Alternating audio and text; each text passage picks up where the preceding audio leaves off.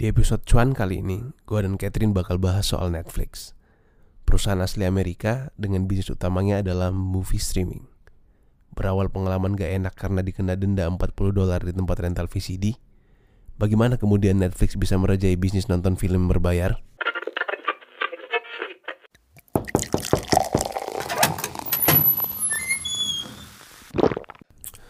Oke, pendengar Wineside di mana pun berada. Berasa radio gitu ya. Jadi hari ini gue Richard dan Gue Catherine. kita bakal eh, seperti yang kita udah janjiin kemarin di episode pembukanya kita, episode pengenalannya Wineside, bahwa kita bakal eh, ada series tentang perusahaan, ya kan, company lah ya, tentang startup. Tentang ya cerita-cerita di balik perusahaan-perusahaan di Iya. dunia. Jadi sekalipun em, mengenai perusahaan, tapi kita akan lebih fokus ke cerita-cerita menarik lah di balik perusahaan tersebut. Jadi bukan fokus ke sisi bisnisnya, sekalipun memang ada pembahasan sedikit sih tentang bisnisnya. Iya. Dan hari ini kita bakal bahas eh, tentang perusahaan apa nih, Kat? Untuk epi- eh, seri perdananya kita nih untuk episode ini. Jadi berhubung bentar lagi ada season 5 dari kalau pada nonton trailernya barusan keluar Black Mirror. Akhirnya kita Gua memutuskan untuk non eh untuk ngomong hari ini tentang Netflix. tentang Netflix dan gue yakin sih kayaknya kalau misalnya terutama anak-anak eh, yang di anak-anak zaman now lah kalau kata orang-orang sekarang pasti tahu lah ya Netflix itu apa ya. Iya. Lu salah satu subscribernya nggak? Iya.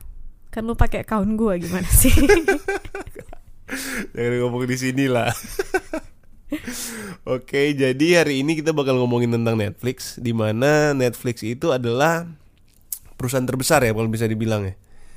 Iya gak sih? Perusahaan terbesar di bidang entertainment sebenarnya. Ent- entertainment khususnya untuk em, apa ya? Peminjaman film kali ya dulu ya. Awalnya dia start dari peminjaman film kan? Peminjaman DVD Mungkin kalau terbesar kali tergantung kayak Maksudnya kalau dari valuasi pasti enggak lah, pasti masih kalah lah sama entertainment yang lain. Tapi mungkin secara brand sekarang yang lagi Mm-mm. lagi apa ya, lagi mengakar di masyarakat. Mungkin Netflix paling sering kita dengar akhir-akhir ini. Pertumbuhannya lah setidaknya paling signifikan mungkin ya. Iya ya, gue baca juga salah satu artikel sih katanya sih em, Netflix itu malah salah satu brand di US yang tahun 2009 tahun 2018 atau 2019 kemarin itu merupakan em, brand yang pertumbuhannya paling cepat, perkembangannya paling cepat. Oh iya, Ya, itu sih yang gue baca sih ya, nggak tahu beneran apa enggak, tapi yang bacanya dari Blogspot bukan? dari WordPress. Aduh. Oke, jadi ya, singkat inilah eh, gambaran sedikit lah mengenai Netflix ini. Jadi Netflix ini eh, foundernya itu si Reed Hastings dan Mark Randolph. Jadi mereka mendirikan Netflix ini tahun 1998 di US, di Amerika dan industrinya sih itu industri hmm, kalau awalnya dari peminjaman DVD ya, peminjaman DVD tapi sekarang lebih ke lebih ke Online streaming. Iya, sama sih industrinya video on masih demand kan. en- entertainment. ya entertainment cuma mungkin ada beberapa ada beberapa pengembangan lah ya dari dari bisnis awal mereka dan tahu nggak sih lu Kat bahwa ternyata si uh, retesting ini ini sebelum sebelum memulai Netflix sebenarnya dia udah jadi pebisnis Ini kan si Mark Randolph-nya co-foundernya itu staffnya kan kalau nggak salah. oh iya Salah- iya. gua gua nggak tahu sih kalau soal itu eh, salah satu top executive-nya dia di di perusahaan perusahaannya dia yang sebelumnya ha. dan dan katanya itu si perusahaannya ini yang pure software itu katanya sebelum dia memulai Netflix itu diakuisisi orang dengan nilai yang luar biasa. Dengan nilai 750 juta US dollar di tahun 1997 Iya, kalau nggak salah itu salah satu eh, akuisisi dengan nilai terbesar saat itu. dan lu bisa kebayang nggak sih em, di tahun 1997 lu memegang uang sebesar itu? Dan bagi gua sih itu maksud gua untuk saat hari ini pun nilai segitu gede banget loh. Iya.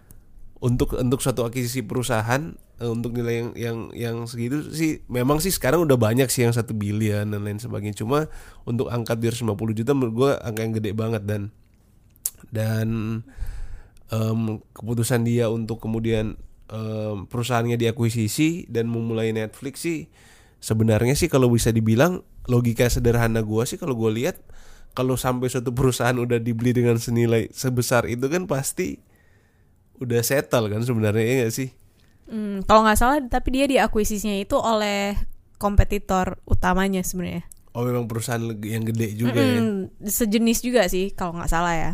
Mm-mm. dan dan apa namanya ketika dia memulai Netflix ini ini yang gua temuin ya gua temuin waktu gua uh, riset sedikit tentang Netflix itu jadi ketika dia memulai Netflix itu sudah ada Blockbuster Blockbuster itu salah satu perusahaan yang fokusnya juga sama di penjualan DVD dan VCD dan VCD sih. Saat VCD ya? itu dulu Blockbuster belum main DVD. Mm-mm. Dan itu udah itu kayak kompetitor utamanya lah ya saat itu ya. Di saat dia memulai itu dan lu tau gak sih ceritanya kenapa si apa si Reed Hastings ini memulai Netflix? Tau lah, kan gue yang ceritain. Setidaknya lu harus pura-pura dong. pura-pura nggak tahu lah biar gue bisa baca baca bahan yang kita udah siapin udah ketahuan dong kita siapinnya udah tahu dua-dua sebenarnya. lu ceritain sedikit dong kira-kira eh, apa sih alasannya si Reed Hastings itu mendirikan Netflix Katanya dia ya, ya Mm. siapa tahu cuman kayak Newton dan Apple-nya. Mm-mm. Eh, kata dia sih jadi waktu itu dia minjem di eh, VCD di Blockbuster. Buat yang nggak tahu Blockbuster itu apa, Blockbuster itu di US itu zaman dulu nggak dulu-dulu banget sih, maksudnya eh, zaman kita masih kecil lah. Itu tempat rental VCD. Video Hmm. VCD nggak sih namanya?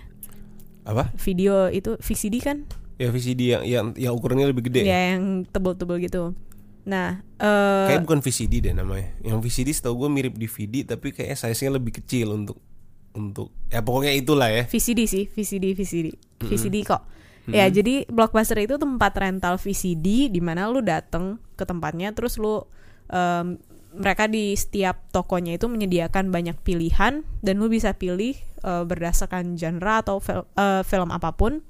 Kemudian lu bayar eh, sekian dolar per video yang lu ambil. tapi kalau orang di oh, seumuran kita yang 25 26 pasti tahu sih rental DVD kalau gua sih tahu sih ya dulu Tapi ini kan bukan DVD. eh maksudnya rental rental VCD maksud Enggak, gua maksud gue ini blockbusternya. Jadi Hmm. biar tahu orang di. Indonesia sebenarnya juga ada sih jenis-jenis itu cuma nggak ada brand yang segede itu sih Iya, kalau di sana ini lumayan gede banget maksudnya sampai mereka bisa membuat apa sih eh, sebuah apa ya sebutan blockbuster hits gitu-gitu. Aha. Dan ya intinya sih Ini kayak kayak kalau misalnya di convenience store kayak Indomaretnya DVD gitu ya. ya VCD. jadi lu bisa bisa dateng, lu minjem. Nah, eh poinnya di sini adalah blockbuster ini ketika lu meminjam suatu VCD itu ada Hmm. batas waktu pengembaliannya. Gue lupa sih berapa lama, tapi pokoknya ada batas waktu Mhm. pengembaliannya.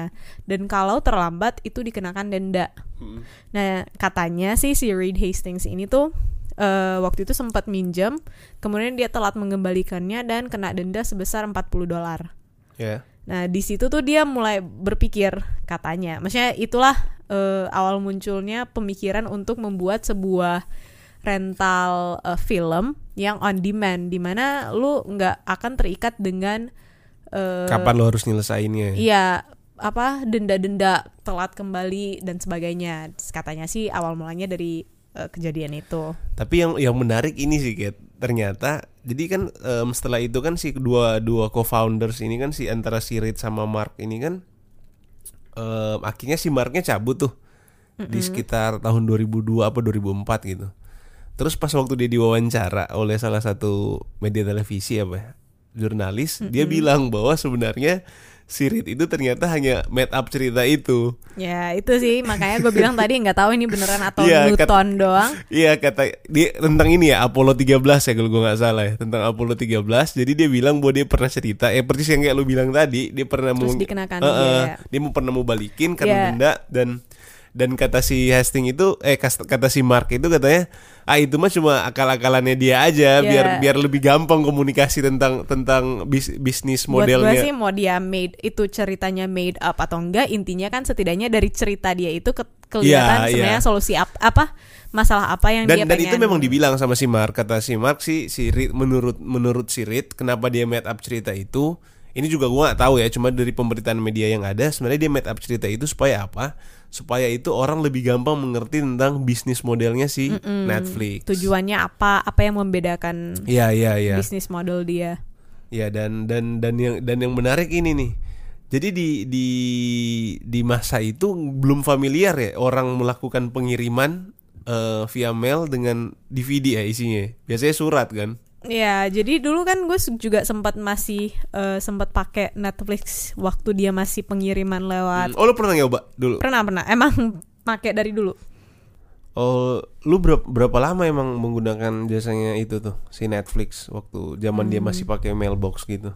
Beberapa tahun sih. Jadi kan dia cara kerjanya tuh eh ada websitenya, kemudian lu mesen atau lu bisa milih dari website itu netflix.com eh, film-film apa yang lu mau pinjam. Kurang, kurang lebih kayak tampilannya dia yang sekarang gak Enggak, sih? enggak, enggak, beda banget.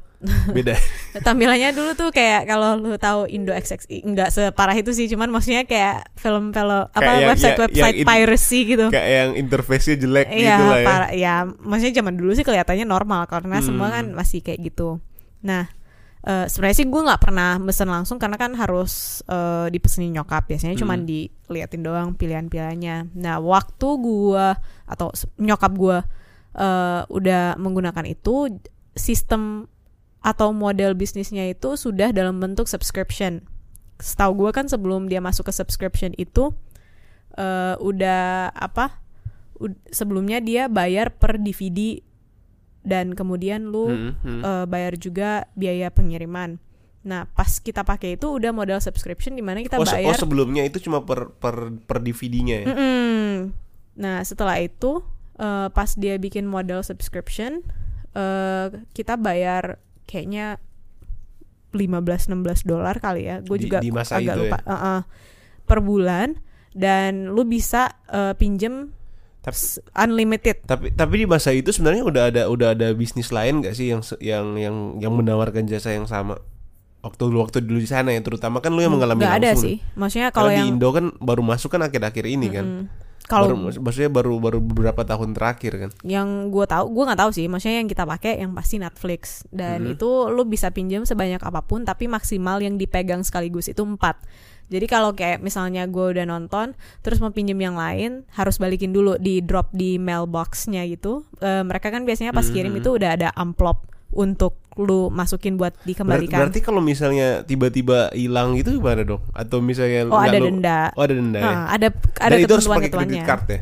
Eh, gue nggak tahu sih nyokap gue yang harusnya sih pasti kredit card soalnya kan subscription tapi gue kurang tahu itu. Mm, dan dan dan lu di masa itu lu em, lu rasanya gimana tuh? Enak gak sih waktu waktu dapat jasa kayak modelnya? Begitu yang yang sebelumnya kan yang yang sering di yang sering kita em, kita pakai untuk untuk sewa menyewa itu kan yang kayak model yang si Reed bilang kan bahwa lu sewa sekian hari kemudian balikin. lu harus balikin lu selesai nggak selesai lu selesai nggak selesai nonton lu harus balikin dulu perpanjang. Kalau misalnya nggak lu balikin lu akan kena denda. Nah masa transisi itu lu berasa nggak sih Hmm, maksudnya kayak misalnya gini loh kayak misalnya gua waktu pertama kali tahu Netflix itu ada yang yang kualitasnya oke Nggak tapi beda banget kan Netflix sama yang sekarang sama yang Iya, ya, maksud maksud gua ini. kurang lebih eh, analoginya kayak gitu lah. Misalnya yang sebelumnya gua harus eh, nonton dari mana dengan kualitas yang nggak jelas, pembajakan sih. itu kayak pengakuan gitu sih. Maksud gua ketika itu muncul kayak wah ini keren banget sih, enak banget sih. Nah, itu lu merasain gak sih? Cuma untuk Di- soal gua sih subscriptionnya aja. sebenarnya agak biasa aja kali ya mungkin em, karena masa itu kan gue masih SD SD SMP lah gue pakai itu Eh, Hmm. maksudnya nyokap gue pakai itu dan biasanya itu karena film untuk film-film anak-anak kan kebanyakan itu dia em, sebenarnya belum terlalu banyak masih Ya. limited dan sebenarnya film-film anak-anak itu kan lebih sering muncul justru di TV Iya. mungkin yang lebih berasa itu nyokap gua, Orang bokap tua ya? gua, orang tua yang di mana mereka pengen nonton film-film eh, dari zaman kapan sampai sekarang juga lebih bisa dicari di uh, Netflix ini dibanding kayak kita kan anak-anak pasti biasanya ngikutin program biasa kan. Iya ya. Jadi ya biasa aja sih, maksudnya tapi pas udah masuk SMP pas gue udah mulai tertarik dengan film-film yang agak lebih dewasa dikit ya udah lumayan enakan sih, udah mending. Hmm. Dan dan ini sih fakta menarik sih Ken. Ternyata tahu gak sih lu bahwa um, jadi kan si Netflix ini um, target bisnisnya pertama di US. Mm-mm. Dan menurut data nih, waktu dia berdiri itu, itu kan dia bisnisnya DVD nih. Ketika dia bisnis DVD, hanya satu persen orang yang yang satu persen orang Amerika yang punya DVD. Oh iya iya iya tahu. Dan secara bisnis kan wah gila sih. Lu udah invest yang banget. lumayan lumayan besar loh investnya kalau gue nggak salah sekitar eh, dua apa 3 juta US dollar saat itu yang dibiayai sama dia sendiri untuk mendirikan Netflix. Sedangkan dari sisi fondasi t- bisnis utamanya dia itu hanya satu persen sebenarnya orang yang punya akses untuk untuk untuk menggunakan DVD yang dia tawarin itu. Tapi sebenarnya eh, dari awal kan kalau gue nggak salah, maksudnya dia sebenarnya udah memikirkan bagaimana itu bisa on demand. Iya. Tujuan dia adalah itu. Jadi sebenarnya menurut gue di awal ini dia udah kebayang gitu. Bahwa ini bakal ada pasarnya ya nanti. Iya, eh, dan terutama karena yang dia kembangkan itu web based, dia pengennya mungkin mengembangkan bagaimana bisa orang nonton film langsung di situ. Tapi kan dia bilang, gue sempat nonton ada TED interview sama dia. Eh, dia bilang bahwa ya nggak bisa gue dari kebiasaan orang yang eh, pinjem rental di blockbuster terus gue mau langsung ke streaming gitu harus ada tahapannya. Dan di sini sebenarnya kenapa dia memilih bentuk formatnya DVD kan karena eh, sistemnya by mail. Ya. di mana dia menemukan bahwa ketika dia mengirimkan itu by mail biaya shippingnya itu bisa hampir sama dengan mail biasa dan em, nggak patah, Oh, iya, maksudnya iya. nggak rusak Iya, karena iya. dia disortir dengan dan dan, dan gue baca tuh soal eh, soal yang dia mail itu. Jadi sebelumnya mereka kayak iseng tuh jalan berdua jalan berdua terus katanya em, coba yuk kita coba yuk. Gimana sih kalau misalnya seandainya kita ngirim Dikirim. ngirim dan dan pas nyampe dia bilang si gue lupa en- entah si Rick eh, entah, entah si Ma- Marknya atau si Reednya yang yang mengirim atau yang menerima. Intinya ketika dikirim salah satu bilang eh em, DVD-nya nyampe nih ternyata nyampe dan nggak nggak ada Nggak rusak. rusak, berarti oke nih kayak kita bisa melakukan ini nih Iya, dan sebenarnya kan kelebihan dia sebagai bisnismen yang eh, selalu diakui sampai sekarang adalah kemampuan dia untuk meng apa ya, kayak semacam mempredik dan semua bisnismen yang paling terkenal dan paling hebat kan pasti itu bisa karena memprediksi ya iya bukan hanya bisa memprediksi dan juga tapi bisa me- me- menciptakan sebuah culture eh, sek- yang seputaran sebelumnya itu belum bisnisnya. familiar saat itu Mm-mm. dan itu ibarat kan sebenarnya kan yang dia yang dia yang dia modify kan sebenarnya nggak terlalu besar kan sebenarnya dia cuma mengganti objeknya aja dari yang biasanya surat in- dan sekarang diisinya si DVD itu kan sebenarnya cuma Maksudnya? si DVD itu diisi dimasukin di dalam eh, maksudnya dikirim via mail itu kan yang biasanya eh, di masa itu kan hanya surat yang dikirim maksud maksud gua itu ada bukan paket sih. Ma- iya iya ya maksud gua nggak nggak bukan hal yang sebenarnya yang inovatif banget sebenarnya cuma belum ada aja yang orang yang nyoba saat itu kan Hmm, intinya sih belum ada orang yang bisa menawarkan jasa di mana lu bisa nonton film eh, DVD atau VCD itu langsung datang ke rumah lu. Jadi Hmm. langsung ke adanya tempat lu, lu. lu yang lu yang harus ke eh, Iya, lu kayak, harus hmm, pergi dulu, kemudian juga apa? eh, ditambah denda-denda segala macamnya. hmm. dan dan ini nih dari yang dari yang gua lihat dan gue baca-baca nih ternyata si eh, ada masanya si Netflixnya itu dari yang sebelumnya tadi gue bilang satu persen menggunakan DVD. Nah tiba-tiba ada masa di mana gue lupa tuh tahun berapa em, Amerika itu em, orang pengguna DVD-nya itu tiba-tiba menjadi banyak DVD playernya. Karena dimurahin. Iya tiba-tiba harga DVD playernya menjadi murah orang kemudian gue nggak tahu lah apakah dia mengambil peran di situ. Kayaknya dia belum cukup besar untuk bisa Mengambil- memainkan sebesar itu ah, sih. Cuma maksud maksud gue berarti ada momentum di mana akhirnya apa yang dia prediksikan, gue nggak tahu ya mungkin ketika dia ketika kita juga nggak tahu kan kenapa eh, ketika dia memulai bisnis ini bisa aja kan em, sebenarnya udah mikirin pasti suatu saat harga DVD player ini akan terjangkau nih dan dia udah menjadi pemain itu duluan ketika dia Ya, karena kan mungkin itu sebenarnya DVD itu cuman mengubah format Mm-mm. aja kayak misalnya dulu kita pakai floppy disk kemudian abis itu pakai USB abis itu sekarang cuman cloud jadi kayak eh, produknya sama hanya dalam bentuk yang berbeda aja gitu Ya. Dan tahapan-tahapan itu sih sebenarnya yang kemudian tiba-tiba bisnis si Netflix ini em, jadi berkembang. Bahkan dia sempat em, gua kayaknya sampai sekarang deh. Dia tanda tangan kontrak dengan Toshiba, HP em, di mana produk-produk mereka itu udah bundle dengan Netflix. subscription Iya subscription free eh, subscription trial bahkan kalau lu perhatiin deh di TV TV sekarang tuh kayak Samsung, Mm-mm. gue pernah lihat sih, setahu gue udah ada udah ada memang udah ada kolom Netflix kan. Gue nggak tahu apakah itu memang mereka kerja sama atau inisiatif dari si perusahaan tersebut. Gue kurang tahu sih kalau yang streaming sekarang kalau yang DVD ini kan karena mereka baru awal-awal menjual DVD player jadi kayak diselipin Mm. free Tapi trial lu tahu lu tahu kan yang smart TV sekarang udah ada udah ada kolom oh iya Netflixnya kan. mm-mm. Nah gue nggak tahu apakah itu bagian dari bisa jadi iya gak sih? Mm-mm. dan dan di situlah sebenarnya em, bisnisnya dia berkembang bahkan di tahun 2002 IPO jadi perusahaan terbuka dan setahu gue di di di masa itulah em, salah satu co-foundernya cabut dan oh iya nih katanya juga eh, 9/11 tuh 9/11 2001 katanya juga jadi salah satu turning pointnya dia. Karena di masa itu orang jadi pada parno tuh cabut keluar. Dan Jadi orang lebih lebih banyak time. menghabiskan waktu di rumah untuk nonton Netflix katanya. Ya karena eh, apa banyak yang takut keluar. Di 2004 juga katanya si Blockbuster sama Walmart juga mencoba mengkembangkan kembangkan bisnis yang sama. Cuma katanya em, udah terlambat ya lah. ya gue sempet eh, sempet tahu sih itu. Maksudnya ada jadi sebenarnya kan sebelumnya dia menawarkan eh, ke blockbuster itu eh, 49% dari saham Netflix kan. Mm-mm.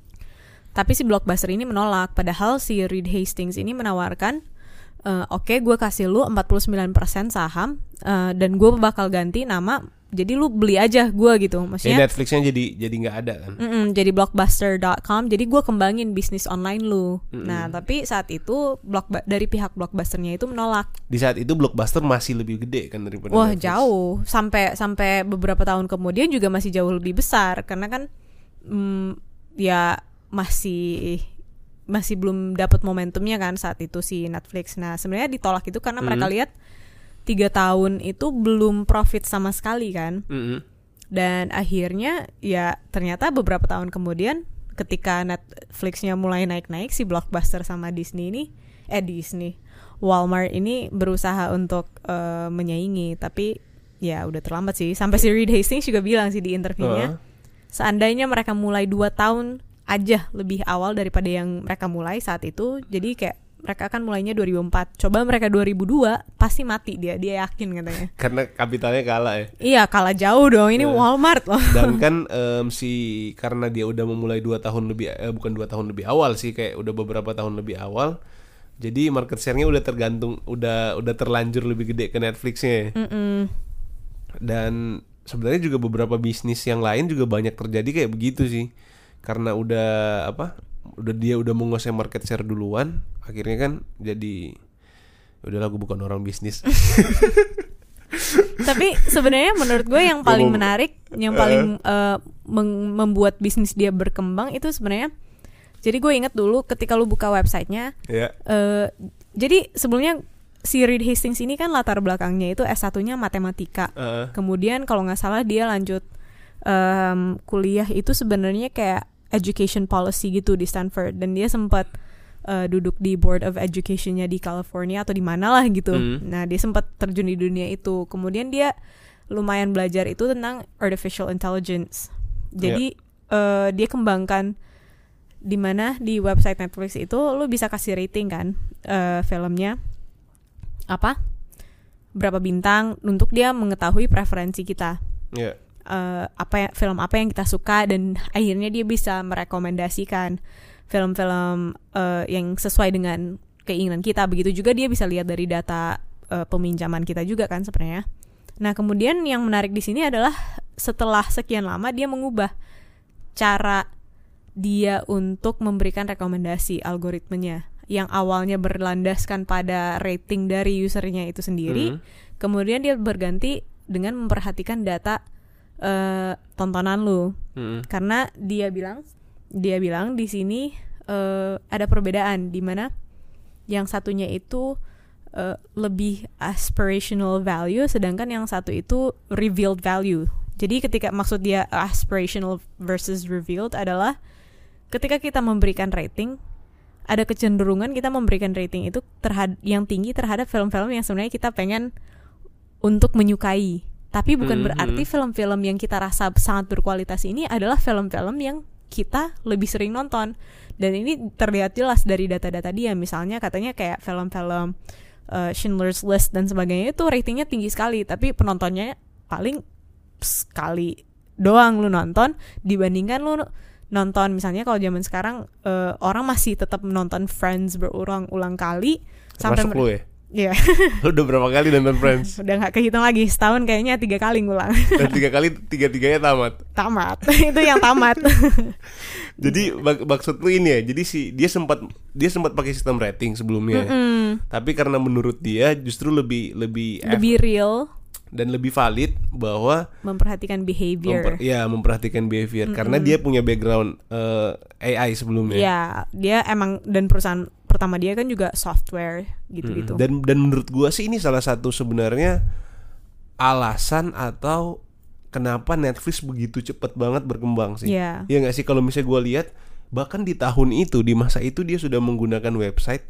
based on behavior orang. Mm-mm. Iya nggak sih? dan itu kalau sekarang mungkin kita dengarnya menggunakan algoritma men- Itu eh, udah familiar tapi di, familiar. di masa itu Iya, berapa banyak masih perusahaan yang menggunakan awal-awal banget Hmm, dan- Facebook aja kan belum dan- berdiri dan dan, seperti kayaknya sih ya em, masa di mana dia kerja itu yang lu bilang tadi eh, di background AI itu itu sebenarnya menjadi salah satu apa ya modal besarnya dia sih ketika Iya, membangun Netflix. Dan betul. dan lu bisa lihat lah sampai sekarang gimana ketika lu buka Netflix lu akan muncul berbagai macam rekomendasi. Sebenarnya itu udah udah udah hal yang biasa sih sekarang. Bedanya ialah dia memulai itu jauh sebelum yang lain memulai. perusahaan-perusahaan lain memulai itu. Dan dan dan itu udah terlihat dari eh, sampai sekarang bagaimana perkembangannya sampai tahun 2018 2019 kemarin dia menjadi brand yang paling cepat bertumbuh di di US di dunia malah.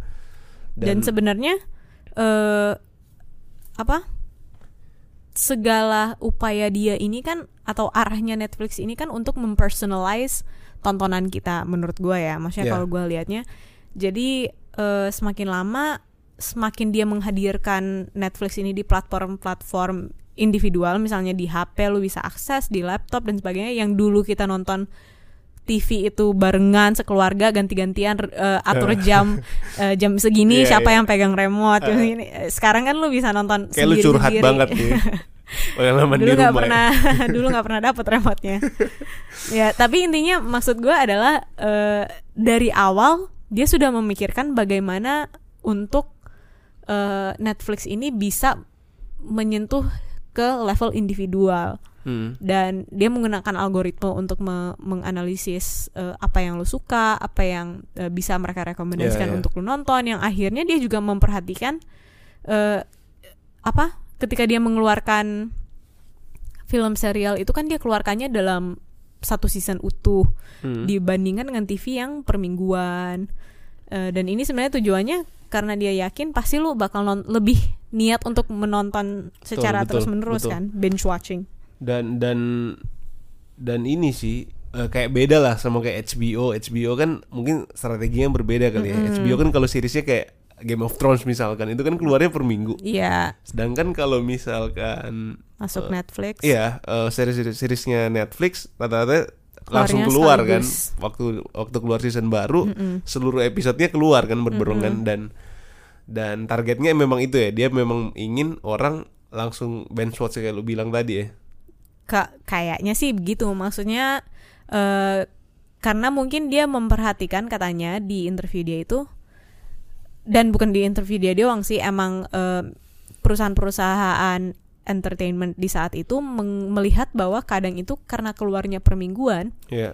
Itu niat orang nggak nggak konsisten untuk mengikuti Bisa program jadi, tersebut. Bisa jadi dia nggak bakal nyelesain ya. Iya, tiba-tiba udah hilang interest aja karena waktu rentan waktunya itu cukup panjang kan dan lu tetap harus ngikutin jadwal tayang. Hmm. Sedangkan di sini kalau misalnya kita bisa nonton terus-menerus dengan waktu kita sendiri, itu lebih mungkin untuk kita menyelesaikannya karena interest kita saat memulai nonton itu masih terjaga gitu. Dibandingkan kita harus nunggu nunggu gitu sih katanya Kayak Game of filosofinya. Thrones kalau misalnya di Netflix kayak enak banget ya. Wah, nggak perlu ke Indo. XX lagi.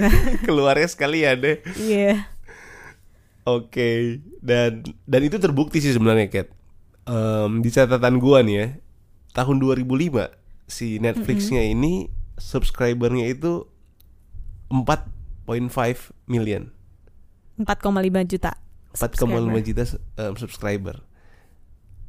Di akhir tahun 2018 subscribernya itu ada 139 juta. Di berapa negara tuh? 190 negara. Dan dan lu kebayang gak sih itu hanya dalam tempo kurang lebih 14 tahun ya. Iya.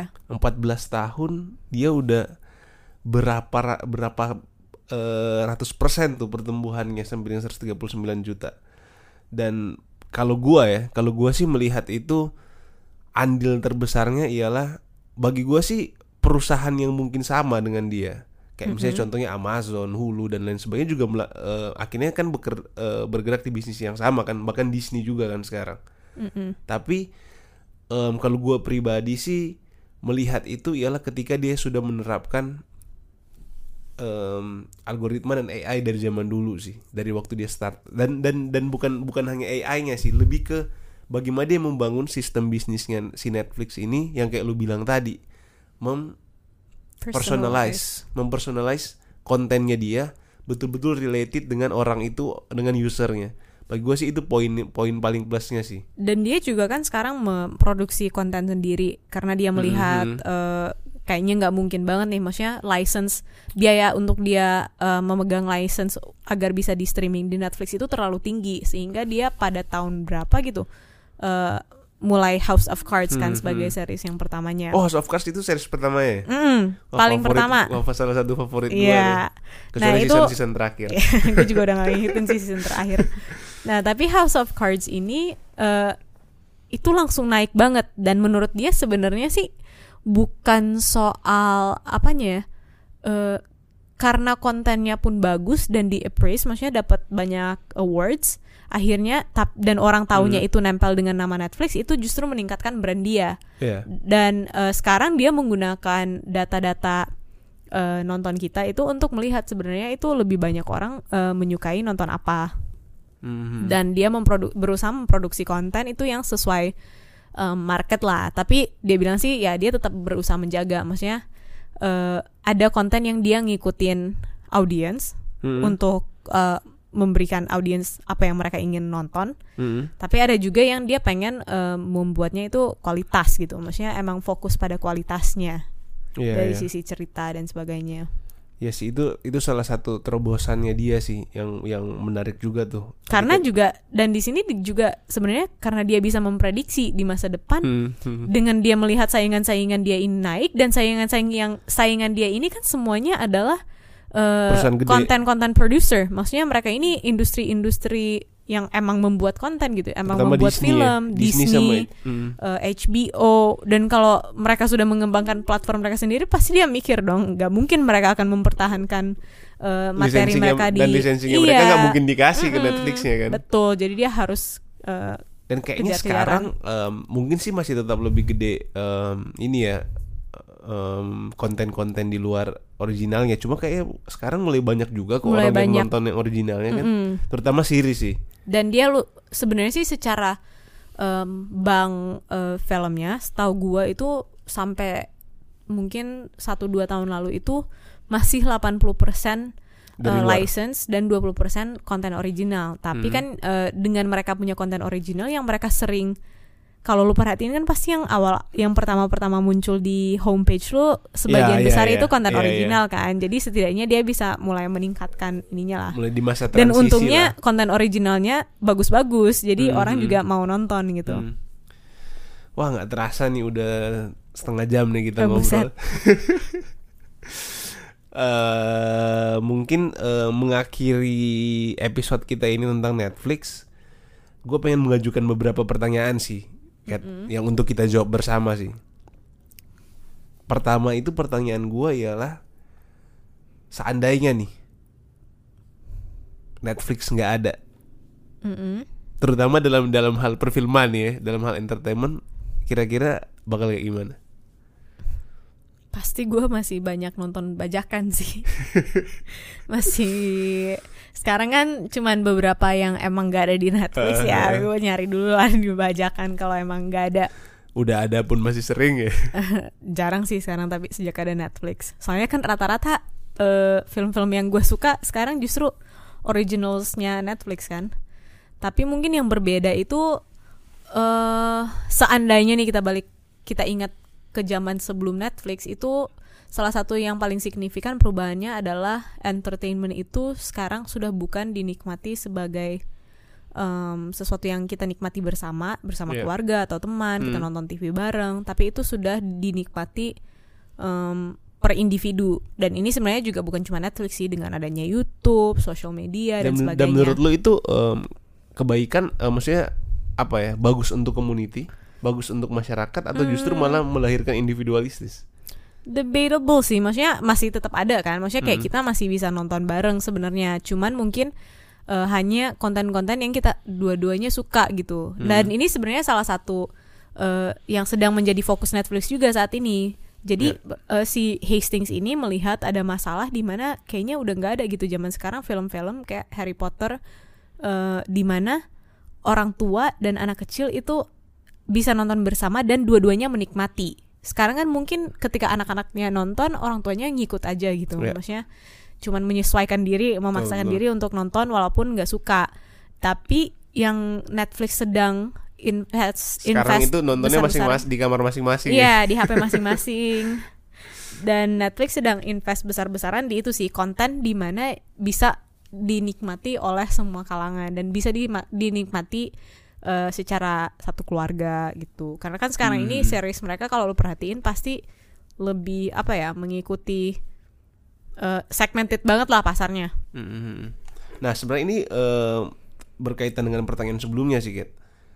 Menurut lu dengan kehadiran Netflix, hal apa dalam komunitas kita, dalam masyarakat yang betul-betul eh, berubah sejak Netflix hadir, terutama Indonesia ya, dua beberapa tahun terakhir itu, menurut lu ada nggak sih em, BF, eh, bukan behavior sih kayak eh, Impact-nya gitu. Ya impact impact di society-nya di masyarakatnya itu seperti apa? Kalau menurut gue sih mungkin kalau khususnya di Indonesia ya sejak mulai ada streaming Mhm. Netflix itu eh orang ya lebih banyak nonton film aja yang dulu mungkin kan eh, apa namanya karena nggak ada satu platform khusus jadi rata-rata masyarakat di Indonesia itu kalau nggak nonton bioskop nonton di rumah ataupun nonton bajakan tapi kan untuk lu menonton bajakan biasanya kita itu eh, udah tahu dulu film apa yang kita mau cari Iya, iya. iya. Sedangkan di ya walaupun sekarang eh, Di sini website-website kita- bajakan kalau- udah ada kalau- rekomendasi sih, Kalau tapi di Netflix kayak kayak lu buka, udah dikasih dengan berbagai nih. Gue hampir nggak pernah ada browsing pilihan loh. duluan ya. Iya, pasti gue sesuai rekomendasi dia. Hampir nggak pernah gue browsing film di Netflix. Dan menurut gue itu eh, mungkin salah satu hal yang gue lihat menyebabkan lebih banyak orang mengkonsumsi eh, media entertainment khususnya film ya. Dan sebenarnya yang salah satu yang gue pikir dapat bukan membahayakan sih, tapi karena ini kan platform online, platform dari luar, jadi sebenarnya mungkin di Indonesia itu agak kurang bisa diatur kayak di TV. Kalau di TV kita kan eh, negara pemerintah lumayan mengatur berapa persen harus konten lokal, berapa persen harus Hmm. eh, konten untuk anak-anak dan Iya, iya. sebagainya. Dan di Mhm. sini kan mereka agak lebih bebas walaupun ada regulasi-regulasi tertentu kayak ada yang di blok dan sebagainya. Tapi em, dan itu bisa menurut gue karena semua konsumsi kita dari satu platform ini doang yang masuk ke Indonesia, maksudnya salah satu yang paling besar yang Ada masuk. iFlix juga sih. Ya. eh tapi ternyata iFlix besar banget loh. Hook Hook sekarang paling tinggi loh di Indonesia. Itu itu itu sama ya ini ya. Yes, gue nggak nggak pernah coba sih, cuman online streaming juga. Soalnya kan soalnya kan em, kita nggak boleh akses Netflix kalau misalnya yang Telkomsel apa? Iya. ya itu bah, pem- ba- eh, Pembahasan yang berbeda. Pembahasan yang berbeda. Iya, Selalu tapi setahu gue emang eh, Netflix ini salah satu yang paling bawah sih sebenarnya kalau di Indonesia. Mm-mm, mm-mm. Ya gitu sih, maksudnya jadi sebenarnya nggak bisa juga sih gue bilang ada perubahan apa. Tapi setidaknya mungkin di lingkungan gue yang gue lihat teman-teman gue lebih banyak eh, ngikutin film yang dulu mungkin mereka lebih banyak nonton apa ya? Tapi Jarang nagi- sih gue bisa no- Tapi nagih sih Netflix sih. Nagihnya karena udah keluar satu season semua kan, sebenarnya jadi lu bisa nonton terus-terusan. Dan efek salah satu efek yang paling berasa ialah ketika lu ada kerjaan jadi jadi jadi, Jadi nggak dikerjain dikerjain. sih. nah, menurut lu keadaan Netflix sekarang nih dari sebelumnya yang dia eh, by mail, dia ngirim DVD yang betul-betul betul-betul ini banget lah. konservatif banget lah modelnya. Terus eh, by website website based em, subscription berlangganan. Menurut lu ada nggak sih peluang-peluang lain yang bisa dikembangin Netflix ya gue tau lah kita sama-sama bukan anak bukan anak ekonomi atau enggak gue cuma penasaran aja sih Iya, kira-kira iya, iya. dari perspektif perspektif kita Orang biasa. orang yang bukan Rakyat. eh, rakyat biasa ini kira Eh. menurut lu ada gak sih siapa tahu kan didengar Netflix nih ini kita nih Mungkin kalau gue lihat ya, kan mereka berusaha membuat konten yang agak berbeda gitu. Maksudnya sekarang ini Ah, mereka ah. fokus ke Ah. uh, making content, making Hmm. film, karena itu uh, dasar bisnis mereka. Dan lu sempat nonton Bandersnatch kan, yang Black Mirror? Eh, iya ya yang ya yang itu salah satu kan. Ah, ah, ya walaupun gue sebenarnya kurang suka sih. Nah mungkin itu salah satu yang mereka sedang kembangkan juga membuat experience lu Experience nonton baru ya. yang berbeda. Tapi eh, kalau gue lihat tren di platform-platform lain mungkin salah satu hal yang ada kemungkinan mereka kembangkan kan saat ini semua yang ada di net perbedaan Netflix dan TV itu TV masih ada yang live Mm-mm. jadi masih ada siaran langsung di Netflix ini Iya. kan belum ada. Iya, nah, iya. kalau gue lihat sih, maksudnya sesuatu yang belum ada di Netflix itu adalah siaran-siaran langsung. Nah, mungkin aja, nah, dan kita juga udah bisa kan bisa lihat sekarang kan YouTube juga udah eh, mengambil peran itu sebenarnya. Nah, gue Mm-mm. penasaran sih, apakah Netflix akan berusaha untuk eh, membuka peluang itu di di platform mereka, misalnya siaran untuk Victoria's Secret fashion show harus di mereka atau apa? Karena kan katanya udah nggak bakal di TV lagi gue denger denger Mm-mm. jadi ya itu mungkin salah satu peluang ataupun em, perkembangan ya apa? Development yang bisa mereka lakukan. Di luar itu sih kalau masnya dari sisi industri film dan sebagainya ya paling ya makin lama makin personalized aja sih. Mereka jadi kayak ini sih ya. awalnya kan mereka hanya platform tuh Mm-mm. waktu mereka belum membuat konten ini yang gue lihat ya waktu mereka belum membuat original kontennya Netflix itu kan mereka lebih kayak platform di mana si apa si pembuat pembuat film ini produser sutradara dan lain sebagainya itu kayak semacam mensubmit produknya mereka di situ jadi kayak semacam apa lebih ya? tepatnya Netflix Kayak ngejar-ngejar Iya, iya, iya. Untuk maksud beli gua- lisensi. Iya, iya, iya. Maksud gua ini kayak semacam marketplace-nya lah. Iya. Marketplace-nya. Uh-uh. Nah, bagi gua sih bisnis modelnya mulai bergeser sih ketika dia bisa membuat produk sendiri dan terbukti laku. Terbukti orang orang mau tuh nonton bahkan rata-rata ada beberapa beberapa series maupun film yang gua nonton terakhir di Netflix semuanya itu original. Iya. Originalnya Netflix. Dan bagi gua salah satu pengembangan yang sangat besar ya ialah ini jadi kayak semacam apa ya kayak semacam Holly, eh, mobil bukan Hollywood juga sih maksudnya jadi kayak host produ- production house gitu gak sih Ya iya, mereka pasti mengarah. Kan sedang diarahkan ke sana karena eh semua apa production house yang besar-besar ini kan semuanya udah mengembangkan platform sendiri kan. Jadi iya iya Udah justru terancam kebalik banget ya mereka, iya. kebalik ya justru kalau misalnya kebalik. produk eh, production house yang lain Uh-uh. bergeser ke bisnisnya mereka dia malah mau bergeser ke bisnisnya si production Iya. house ini ya dan sebenarnya Netflix lebih terancam di sini karena kan Iya, fokus betul, orang betul. meng- mengakses platform itu untuk kontennya kan. Iya. Kalau kontennya udah nggak ada, tapi harus gua akuin sih eh, originalnya keren-keren sih Iya bagus-bagus. Favorit lu apa? Eh favorit gua itu House of Cards lah pertama. Yang yang Kalau Kecuali ini ini terakhirnya ya. Kalau film apa ya? Oh Lo- mereka juga lumayan banyak ini sih gue lihat suka bikin documentaries. Oh iya, yang yang gue suka itu tuh yang terakhir yang si Ocasio tuh, yang Oh politik. knock down the house. Itu itu Netflix juga Iya kan? Netflix. Itu juga keren sih. Iya bagus. Yang gua yang gua Documentary. yang yang gua yang gua sering bingung itu menurut lu itu beneran gak sih di take sebelum sebelum pemilihan? Harusnya sih gitu. Kayaknya effort Nggak. banget deh. Gak mungkin lah ya. Iya, dan kadang juga kan berpikir, sebenarnya- ah, jangan-jangan ini take sebelum pemil eh sesudah pemilihan nih pas dia udah menang. Karena kan emang apa yang diikutin itu juga cuman Ocasio doang gak sih yang yang lolos yang tiganya yang lain kan nggak yang, iya yang si kan? si si yang calon senat sama Iya. ini kan. Nah, eh nah ini udah mau sejam nih kita nih. Eh buset. Mungkin ini pertanyaan terakhir kali ya. Yang menurut lu ini gua gabung aja lah pertanyaannya nih. Ini gua tadi kayaknya udah kita sempat mention juga nih soal values, poin apa sih yang membuat em, si Netflixnya ini sukses. Kira-kira eh inspirasi apa nih yang bisa kita ambil dari si Netflix ini menurut?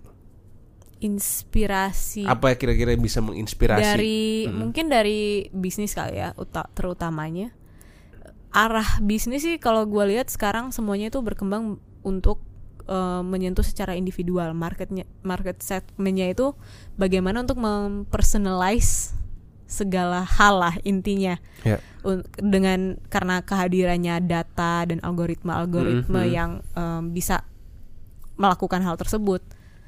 Tapi dari sisi apa tadi? Em, apa? Valuesnya. Nggak apa sih pertanyaannya?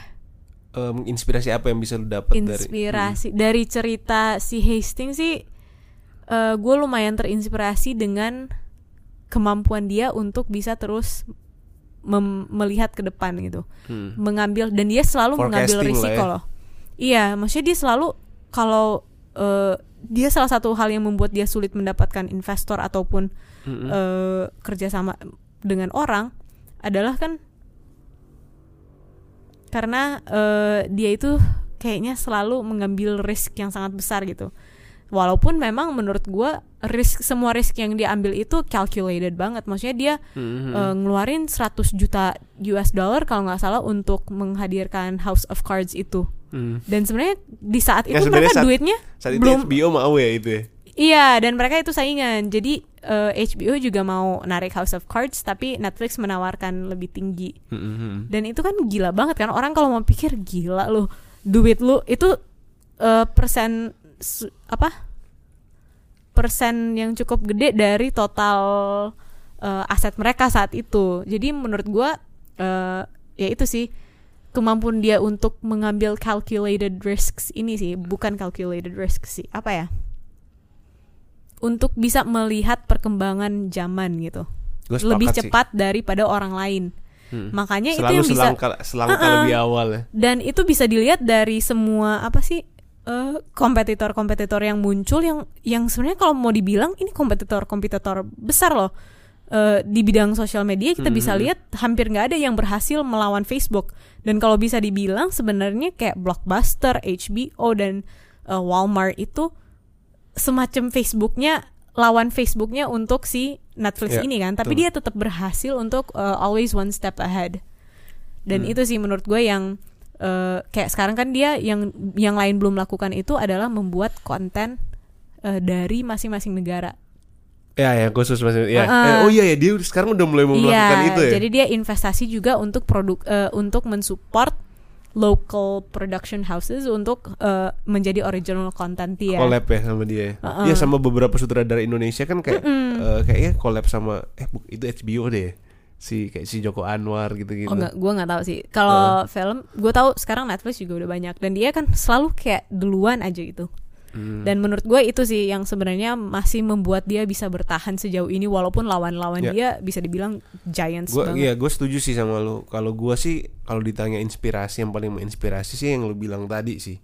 Bahwa dia selalu eh, selangkah lebih bukan selangkah malah mungkin beberapa beberapa langkah beberapa langkah di eh, mendahului kompetitor-kompetitornya sebenarnya jauh lebih besar yang harusnya dia punya sumber daya manusia yang lebih banyak lah untuk memikirkan itu sebenarnya tapi eh, terbukti perusahaan Netflix ini si Netflixnya ini ma- mampu beberapa langkah lebih depan dari perusahaan-perusahaan yang dalam tanda kutip sudah jauh lebih settle lah di bidang Iya. ini di entertainment ini dan Share kapital juga dan jauh dan banget. ini sih dan bagi gue yang sangat menginspirasi itu ialah ketika dia memulai bisnis ini di mana di satu sisi dia tahu bahwa di masa itu bahkan orang yang bisa menonton dan mempunyai akses terhadap DVD aja baru satu persen loh Mm-mm. dan dia udah berani, Berani. melakukan itu bahkan sempat beberapa tahun kan dia nggak ada income sama sekali kan Iya.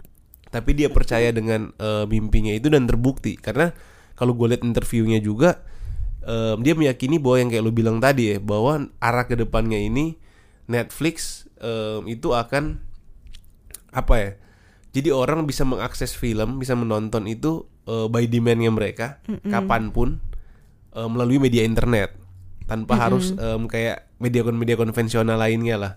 Yang yang sangat menyulitkan tidak tidak dinamis tidak Iya. tidak apa tidak fleksibel.